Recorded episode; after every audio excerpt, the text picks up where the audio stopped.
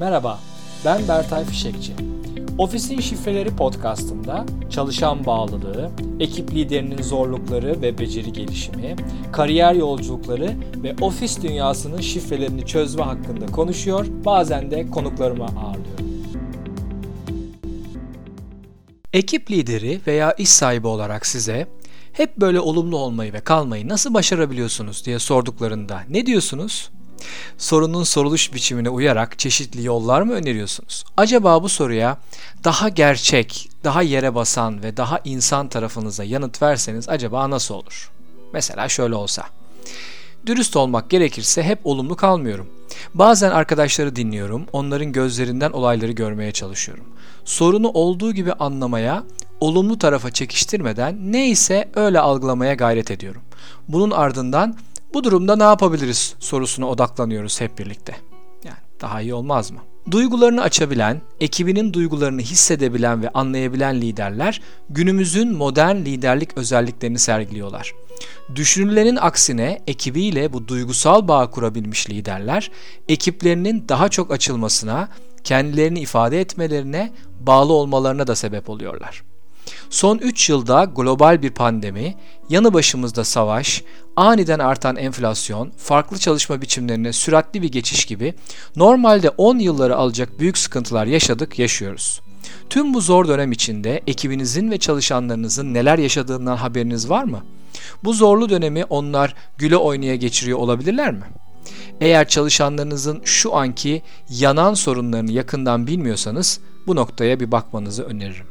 Çalışanlarınızın yaşamakta oldukları bunca soruna rağmen hep olumlu tarafta olalım, bardağın dolu tarafına bakalım gibi bir tavırdaysanız bir miktar gerçeklerden kopmuş bir görüntü verme ihtimaliniz olabilir.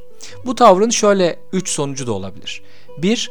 Liderle ekip arasında bir boşluk duygusu yaratabilir. 2. Karşılıklı güveni zedeleyebilir.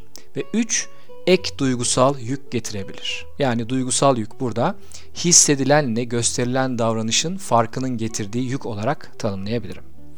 Sürekli olumlu olalım tavrındaysanız ekibiniz şu düşüncelere de kapılabilir. 1. Bizim ne olduğumuzu, ne durumda olduğumuzu, neler hissettiğimizi görmüyor ki bu ciddi bir problem. 2. Bizim ne durumda olduğumuzu görüyor ama tepki vermemeyi seçiyor. Açıkçası ikisi de hiç iyi değil. Bu gibi durumda şöyle önerilere kulak verebilirsiniz. 4 önerim var burada. 1. Durumu olduğu gibi kabul edip çalışanlarınızın durumu kendi gözlerinden nasıl gördüğünü ifade etmeleri için bir ortam yaratmak ve onları dinlemek. 2. Sakince insan tarafınızın ortaya çıkmasına izin vermek ve empati göstermek. 3. İşlerin tırnak içinde iyi olmadığını kabul edip uygunca gördüğünüz durumu ifade etmek. Ve son olarak bu gerçekler içinde ne gibi seçenekleriniz var bunları ortaya çıkarmaya ve uygun yolu birlikte seçmeye odaklanmak. Bunu yaptığınızda ekibiniz ortada duran gerçekliği onların gördüğü gibi gördüğünüzü ve hissettiğinizi fark edecek ve seçenekler ve çözümler üzerine olacak tartışmaya katılmak için can atacaklardır. Olayları olduğu gibi görmediğinizde veya ekibinize güvenmeyerek belli bilgileri onlardan sakladığınızda sorunu belki kendi çözebileceğinizi düşünebilirsiniz. Fakat burada belki de öngöremediğiniz başka sorunlara da yol açıyor olabilirsiniz. Dört ayrı sorun ihtimali var burada. 1. Sorunu sakladığınızda ekibinizin bu sorunu çözebilme potansiyelini de tanımla, tanımamış, onlara hareket alanı vermemiş oluyorsunuz. 2. Sorunu tam olarak açıklayamadığınızda gerçeği saklamış ve bunun getireceği ek yükleri de üstlenmiş oluyorsunuz. 3. Bu şekilde karşılıklı bir empati fırsatını kaçırmış oluyorsunuz. Ve 4. Bu şekilde ekibinizle tam bir uyum olma içinde olma fırsatını da tepmiş oluyorsunuz. Gerçekle yüzleşmek lider olarak geliştirmeniz gereken önemli kaslarınızdan biridir. Burada aslında şunu demiş oluyorsunuz. Ya ben de sizin gördüğünüzü aslında görüyorum. Sizi ve beni etkileyen bu olumsuz durumu yok saymıyorum. Tüm gerçekliğiyle durumu masaya yatırıyoruz ve hep birlikte çözüm arayabiliriz. Siz bazı gerçekleri saklamayı düşünseniz bile çalışanlar zaten bunu sezmiş, kendi aralarında konuşmaya başlamış ve doğrudan bilgi alamadıkları konuları da kendilerince doldurmaya başlamış olacaklardır. Boşluklar mutlaka doldurulur. Ekip liderinden bu net iletişim gelmediğinde ekip boşlukları kendi bildiği gibi doldurur.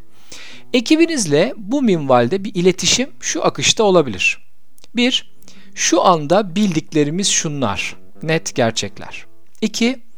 Bunlar da tam bilmediklerimiz ve üzerinde çalıştığımız konular, emin olmadığımız yerler. Ve son 3. Bu gelişmelerin bizim için şu anlama gelebileceğini değerlendiriyoruz. Bu gerçeklik algısını sık sık kontrol etmek de önemli ve önemli ve gereklidir. Pazarımızda, şirketimizde birçok şey süratli bir şekilde değişiyor. Bu değişimin önüne geçmek ve olası senaryoları ekiple değerlendirmek bir güven ve birlik duygusunu da destekler. Bu noktada bir lider olarak soruya, sorabileceğiniz en iyi sorulardan biri şu.